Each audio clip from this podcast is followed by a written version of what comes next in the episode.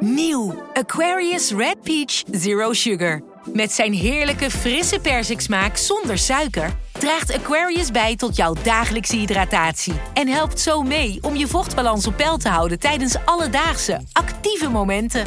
Thuis, op het werk of onderweg. Ook verkrijgbaar in smaken lemon en orange. Probeer hem nu.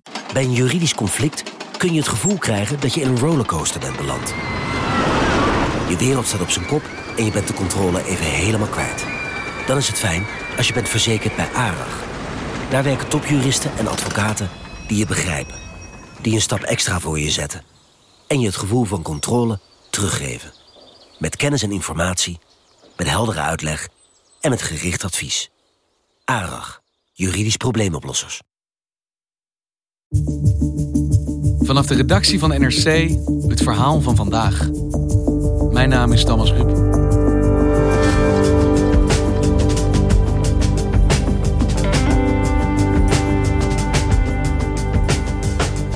Formaldehyde. Medewerkers van de luchtfilterfabriek AAF International hadden er nog nooit van gehoord. Hard werken was het devies. Bij hoofdpijn, paracetamol. Maar toen viel de inspectie binnen. Metingen van de kankerverwekkende stof blijken al jarenlang veel te hoog. En dus verschijnen vandaag twee leidinggevenden voor de rechter.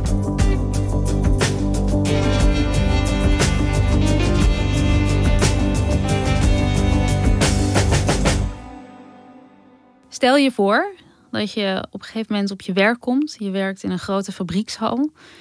En daar wordt met een nieuwe groene kleurstof gewerkt. En alles is daardoor groen. Anne Corré is redacteur op de economieredactie van NRC. Je neus is groen, je oren zijn groen. Zit je in de tuin, je bent helemaal groen, je jas is helemaal groen. Je tong krijgt een groene aanslag die er nog dagen op blijft zitten. Je gezicht is groen, je hebt alles in je neus, je hebt alles in je haar. Een beetje haar. Als je s'avonds onder de douche staat, dan wast het groen met het badwater weg. Als je begint te zweten, dan komt het soms zelfs nog uit je poriën. Je bent gewoon helemaal vies. Maar ook, je went eraan. Op een gegeven moment sta je er niet meer bij stil. En dat overkwam Hilvert Snijders, die op dat moment al 40 jaar in de fabriek werkt. Maar dit is uitzonderlijk. Zo is hij nog nooit thuisgekomen. En niet één dag, maar elke dag. Elke dag, vier maanden lang. Alles groen. Waar speelde dit zich af? Dit is een fabriek van AAF International in Emmen. Dat is een eh, luchtfilterfabriek. Daar worden luchtfilters uh, voor ziekenhuizen, voor de farmaceutische industrie gemaakt. Maar op deze afdeling, waar met de groene kleurstof gewerkt werd, uh, werden luchtfilters voor autospuiterijen gemaakt. En die werden van glaswol gemaakt. Heel zwaar werk. Het werd wel eens het strafkamp genoemd, de afdeling. Uh, ik heb gesproken met Bert Koster, die was leidinggevende op, de, op deze glasafdeling. Je hebt een t-shirt en het is altijd warm. Onder de oven was het altijd 50 graden, maar op de hal uh, 27, 28 graden is constant. En uh, ja, je hebt veel stof. Een glas breekt. Ik deed nooit handschoenen aan. De meeste mensen hadden handschoenen aan. Als je dan een splinter krijgt, dan komt hij door je handschoenen en zit hij direct heel diep in je vinger. Een van de punten is het, het dekentrekken noemen ze dat. Daar worden dus die grote glaswoldekens uit elkaar getrokken. Uh, dat is gewicht heffen, want je hebt gewoon dekens van 140 kilo minstens die uit elkaar moeten. Ik heb dan uh, een poos meegeholpen uh, om, om die dekens uit elkaar te trekken. Nou, ik ben geen kleine kerel, maar staat je te doen hoor. Dat is echt waar. Als je daar de hele dag moet staan, ik stand er een half uur en twee keer een kwartier. Maar dan had ik al zeer de armen van om, om die deken echt. Er zit zoveel spanning op. En je moet je dus voorstellen dat er daar allemaal kleine glasvezeltjes, die gaan dan in je t-shirt zitten. Ik krijg wel een soort van kriebel bij het idee. Precies. En wie werken er in deze fabriek? Wat voor mensen zijn dat en hoeveel? Er werken in totaal werken er 150 mensen in de fabriek. Um, op deze glasafdeling werken 16 mensen. Dat zijn echte fabrieksarbeiders. Dat zijn mensen die uh, daar al voor een groot deel al van, vanaf hun zeventiende werken. Een van de mensen is Hilvert Snijders. Die werkt al 40 jaar werkt hij op die afdeling, op de glasafdeling. En hij zegt: het is zwaar werk, maar het is ook heel mooi werk. Vanaf zijn zeventiende uh, doet hij al fysiek werk. Hij is snel in de fabriek terechtgekomen. En hij weet niet beter. Ik was geen echte student. Dus ik ga van school af en je had gelijk werk. Je doet drie maanden goed je best en uh, je hebt al een vaste aanstelling. Uh, Dat was het. Dit is wat hij het liefste doet, met zijn handen werken. En ja, de glasvezels gaan in zijn handen zitten. Maar hij zegt, het, het eelt op mijn handen is inmiddels zo dik... dat ik daar helemaal geen last meer van heb. En ik sta hier aan de machines en ik heb vrijheid om te doen en laten wat ik wil. Dus hij vindt dat mooi werk. Maar de omstandigheden daar, het zware werk, de, de, de, de glasvezel in je kleren, de hoge temperaturen, dat nemen ze voor lief. Ze nemen het voor lief, want dat is wat ze gewend zijn. Ze zeggen ook uh, kleine pijntjes, die kennen we wel. Maar ze gaan zich wel zorgen maken als ze grotere pijntjes krijgen. Dus uh, ze hebben op een gegeven moment elke dag hoofdpijn. Uh, ze zeggen er, er gaan hier strippen ibuprofen, die vliegen er doorheen. En als ze op zijn, dan nemen we ze van huis mee. En dat baart ze wel zorgen, omdat dat natuurlijk iets is wat ze niet altijd gehad hebben. En bovendien krijgen ze, ze krijgen meer last van hun neus, van hun ogen. Um, de kleine pijntjes worden grote pijntjes. En dat is niet voor iedereen even fijn. Steeds meer last van de ogen, hoofdpijn, keelklachten en bloedneus. Ze konden er niet achter komen waar het dan lag, maar ik had dan een heese stem. En wat doen ze daarmee als dat begint, als die klachten erger worden? In eerste instantie zeggen ze niks, want dat is typisch fabrieksvloer. Ja, maar dat denk je ook niet aan. Dat is heel raar, dus dat als je daar zo lang bent. Dan, uh, tuurlijk, je zegt wel eens van dat je een keer hoofdpijn hebt. Maar als je constant hetzelfde verhaaltje vertelt aan iemand, dan, dan denk je van ja, wat moet ik ermee? Het is zo. Je zeurt niet. Je zeurt niet in het strafkamp. Dus eigenlijk houden ze dat voornamelijk voor zichzelf. Totdat dus die groene kleurstof geïntroduceerd wordt. En dan ontstaat er wel reuring. Want mensen hadden al last van verschillende symptomen, maar het was altijd een beetje het idee: uh, wel klachten, niet klagen. Ja. Maar wat doen ze dan als iedereen groen begint te worden? Als die verf overal zit? Nou, dan wordt het zichtbaar. Dus over hoofdpijn klaag je niet, want hoofdpijn dat kun je lekker voor jezelf houden. Maar als iedereen groen uitslaat, dan en je zit met elkaar in een kantine en je kijkt elkaar aan en je kijkt uh, naar de hulk, zoals zij dat uh, zeggen tegen elkaar. Ja, dan begin je toch gewoon te denken: wat is hier aan de hand? En is dit wel gezond dat we er zo uitzien? En wat doen ze met die zorgen, met die vragen? Zij gaan daarmee naar een leidinggevende natuurlijk. Dat is de eerste waar je terecht komt. Uh, dus dan komen zij bij Bert Koster terecht, de leidinggevende van de afdeling. Uh, en die zegt ook meteen, ja, dit, dit kan niet. Dit gaan we niet doen. Toen kreeg ik s'avonds foto's van jongens, uh, groene tong, haargroen, onder de oksels, zweetplekken was gewoon groen. En toen heb ik echt gezegd van stoppen, dit gaan we niet doen. Eerst gaat hij proberen op wat voor manier dan ook die lucht anders door de ruimte te leiden of de afzuigers beter te repareren, zodat in ieder geval uh, die lucht niet zo gigantisch door de ruimte heen wand. En lukt dat? Nee.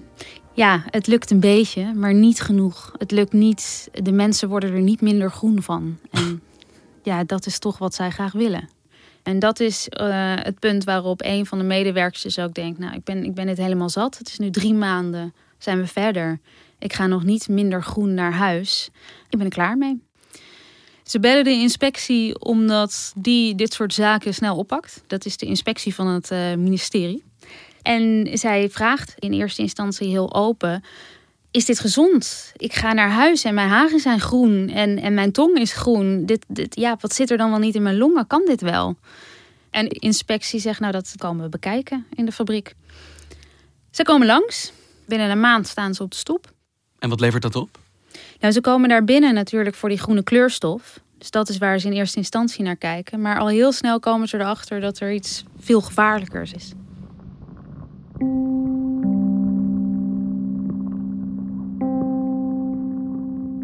Zij zien ook, er wordt hier met lijm gewerkt. En in die lijm zit ureum. Uh, en ureumhoudende lijm, daar moet formaldehyde bij om dat een goede substantie te maken. Formaldehyde? Formaldehyde is een kankerverwekkende stof. Uh, die mag maar in een bepaalde hoeveelheid gebruikt worden in deze lijm. Uh, en dan als jij met zulke soort stoffen werkt, dus niet alleen de kleurstof, maar ook die formaldehyde, dan moet je rapporten hebben. Dan moet je gewoon kunnen aantonen aan de inspectie wij, uh, onze waardes zijn hier binnen de fabriek op orde. Dit is geen gevaarlijke werkplek. Dit is geen gevaarlijke werkplek en uh, wij monitoren alles om daarvoor te zorgen. En de rapporten blijken er niet te zijn. De inspectie vraagt om rapporten, maar die fabriek heeft ze niet. Nou, ze hebben ze niet 1, 2, 3. En degene die daar op dat moment verantwoordelijk is voor de veiligheid, dat is Laurens Kloppenburg, die nog één trapje boven Bert staat. Die werkt daar pas een half jaar, dus die denkt, nou, uh, er wordt hier met gevaarlijke stof gewerkt. Eén tik in de computer en ik heb het te pakken. En dat is dus niet zo. Bert vertelde mij dat uh, Laurens die gaat dan ook bellen met de oude veiligheidsmanagers uh, in de fabriek. En die, nou ja, die is natuurlijk, die vraagt waar, waar, waar is dit gebleven? Nou, dan krijgt hij allerlei. Je moet daar in die lade kijken, je moet daar in die kast. Waar ze nog papieren weggevonden hebben, mag Joost weten. En we hebben latere aanvullingen heb ik nog gekregen van Laurens. Die heeft ook zijn hele kast overhoop gehaald. En uiteindelijk weet hij op die manier, dus in lades en kasten, zijn er wel degelijk rapporten. Weet hij uit 1999, 2008 en 2010 een meetrapport te halen van de formaldehyde. En wat staat er in die rapporten? Daaruit blijkt bijvoorbeeld de meest recente uit 2010 dat de waarde formaldehyde 22 keer hoger is dan wettelijk toegestaan. 22 keer? Ja. En je noemt het een kankerverwekkende stof, maar even voor mijn begrip, hoe gevaarlijk is een verhoging van 22 keer wat wettelijk is toegestaan? Dat is lastig te zeggen. Het is, uh, formaldehyde is officieel geclassificeerd als een kankerverwekkende stof. Het kan kanker in de neus uh, onder andere veroorzaken. Um, hoe gevaarlijk het is, ja, dat, hoe gevaarlijk is roken? Is acht sigaretten erger dan 20 sigaretten? Uh, hoe groot is de kans dat je longkanker krijgt van roken? Daar moet je het mee vergelijken. Dus het gezondheidsrisico is aanzienlijk. Maar of je er iets van krijgt en, en hoe ziek je dan wordt, ja, dat, dat, is, dat weet je niet. Maar vaststaat dat het niet mag, wettelijk vaststaat, je mag niet boven een ehm, bepaalde hoeveelheid acht uur per dag blootgesteld worden, om dus dat risico op kanker te lopen. En 22 keer te hoog, dat was in 2010. Wisten medewerkers dit? Uh, nee, niemand is ooit iets verteld. En wat doen ze dan als ze erachter komen dat die werkplek waar ze soms al jaren zitten veel gevaarlijker is dan ze dachten? En dat niet alleen, maar mogelijk dus zelfs kankerverwekkend. Ja, en dan schrikken zij natuurlijk enorm dat moment uh, dat je uh, wordt geconfronteerd met de arbeidsinspectie, dan uh, is het ergste wat er is natuurlijk. En ja, dat verwacht je niet. Dus Laurens en Bertie weten dat op dat moment. De plant manager heet dat dan in de fabriek, die, die weet het ook. zij halen ook nog Erwin erbij, dat is de technische man in de fabriek. Ja, zij zitten dan met z'n vieren bij elkaar. En ze willen natuurlijk weten, is het nu nog steeds zo? Uh, ze weten dat in 2010 het 22 keer te hoog was. Dus ze willen meteen weten, staan we daar nog steeds in? Hoe is het nu? Hoe is het nu? Dus ze gaan nieuwe metingen doen. En uit die metingen blijkt dat het nog steeds 5 tot 9 keer te hoog is. Zij melden dit dus bij de inspectie. En dat is voor de inspectie reden om uh, binnen te vallen in de fabriek.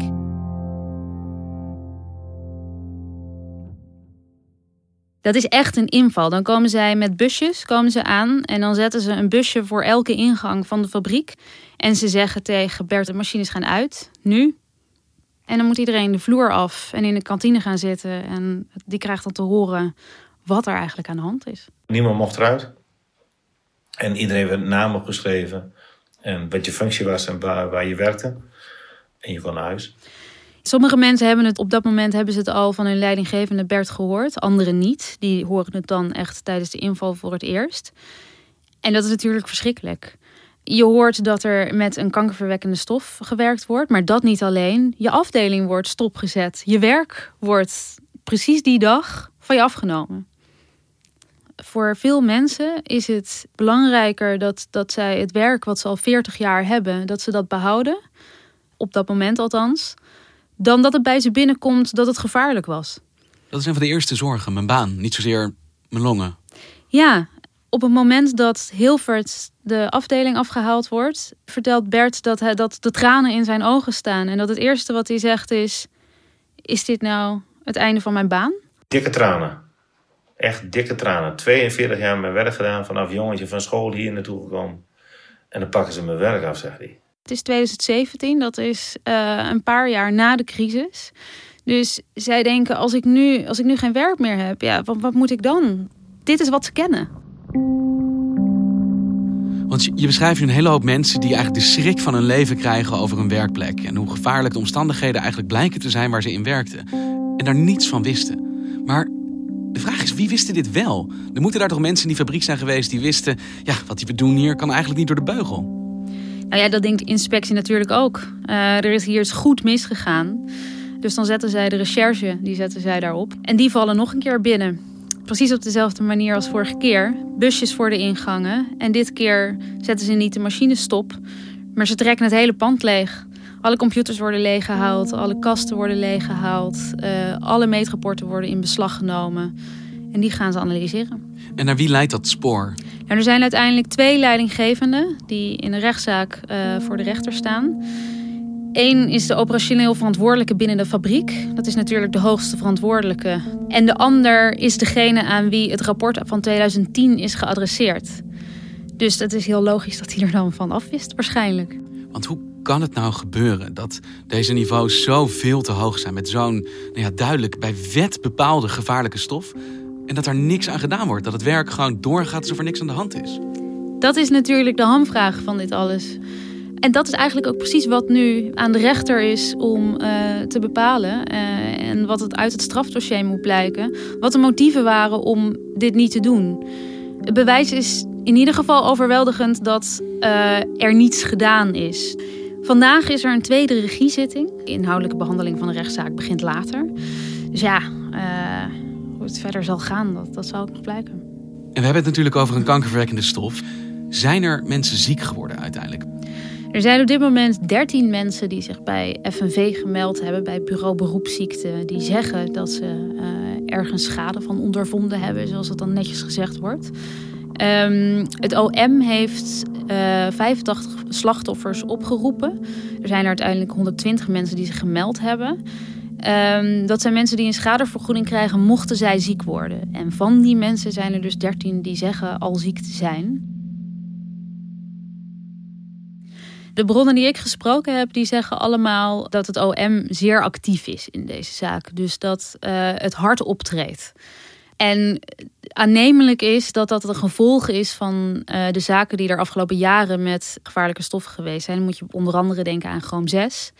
Bij um, Dupont in, in Dordrecht is er, zijn er grote misstanden geweest met gevaarlijke stoffen. Dat heeft er allemaal al voor gezorgd dat dit op de agenda van de inspectie staat. Dus daar is extra geld voor uitgetrokken. Daar zijn programma's voor ingericht. Dan wordt het ook moeilijker misschien om ermee weg te komen als fabriek. Om dit, dit soort omstandigheden in stand te houden. Precies, dat geldt zowel voor het OM als voor de inspectie. Geldt dat er maatschappelijke onrust is over zaken zoals Chrome 6. Dat is veelvuldig in de media geweest. Daar is grote aandacht voor. Dus zij weten, als het gaat om kankerverwekkende stoffen... dan moeten we gewoon goed opletten.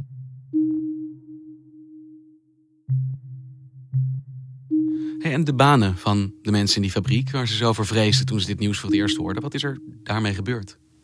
Nou, een maand nadat de glasafdeling is gesloten, uh, krijgt iedereen een, uh, een sms'je dat ze de volgende dag in Hotel de Giraffe, heet dat, in Emmen, uh, moeten zijn. Maar toen voelde ik de bui al aan. Toen was ik al zo van, ja, hallo. maar ja, goed, op dat moment wordt er gewoon gezegd, nou, de afdeling gaat dicht en we gaan voor jullie een andere plek zoeken. En daar krijgen ze te horen van de, van de grootste baas in Europa dat uh, de hele fabriek gaat sluiten. Dus uh, dat het helemaal einde verhaal is voor alle 150 mensen die in de fabriek werken. Ze zijn een baan kwijt. Op een handjevol mensen na is iedereen zijn baan kwijt. Er zijn alleen nog wat administratieve taken te doen. Sales blijft nog even zitten. Maar voor de rest raakt iedereen zijn baan kwijt. Hilvert Snijders, die dus op dat moment 40 jaar op de afdeling werkt, die is eigenlijk heel boos dat zijn werk hem afgenomen wordt. Kijk, die stof, dat vindt hij erg. Uh, dat hij het risico liep uh, op, uh, op kanker vindt hij ook heel erg. Maar hij is vooral boos dat die stof ervoor gezorgd heeft dat hij nu, 61 jaar, zonder baan zit. Dus hij ziet er heel erg tegen op om ja, de tijd te doden tot zijn pensioen. Want de kans is groot dat zwaar fysiek werken niet meer in zit. En dat is wat hij graag wil en wat hij goed kon. Ik baal wel van, van de hele situatie. Ik heb geen hekel aan de fabriek of zo, dat niet. Maar gewoon, ik baal wel van de situatie. Ik heb het liever ook niet gehad. Hey, en we hebben het dus over formaldehyde gehad. Alleen, hoe zit het nou met die groene verf die op een gezicht, uh, in een haar, op een tong zat. Ja, die formaldehyde die was natuurlijk heel gevaarlijk, maar onzichtbaar. En de groene kleurstof is precies andersom. Die was heel zichtbaar, maar volledig onschuldig. Uh, die zit in dreft. Je kunt er last van je keel van krijgen als het er te veel in komt. Maar waarschijnlijk heeft ze dat geen schade toegebracht. Dankjewel. Alsjeblieft. Je luisterde naar vandaag, een podcast van NRC. Eén verhaal, elke dag. Dit was vandaag, morgen weer.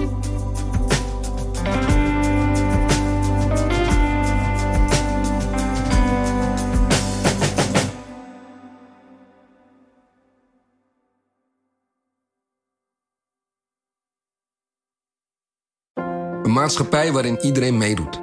Een gezonde, groene en rechtvaardige wereld. Daar willen jij en heel veel andere mensen best iets aan bijdragen. In het klein en in het groot. Dicht bij huis en ver weg. Zo hebben we vorig jaar 349 miljoen euro bij elkaar gebracht.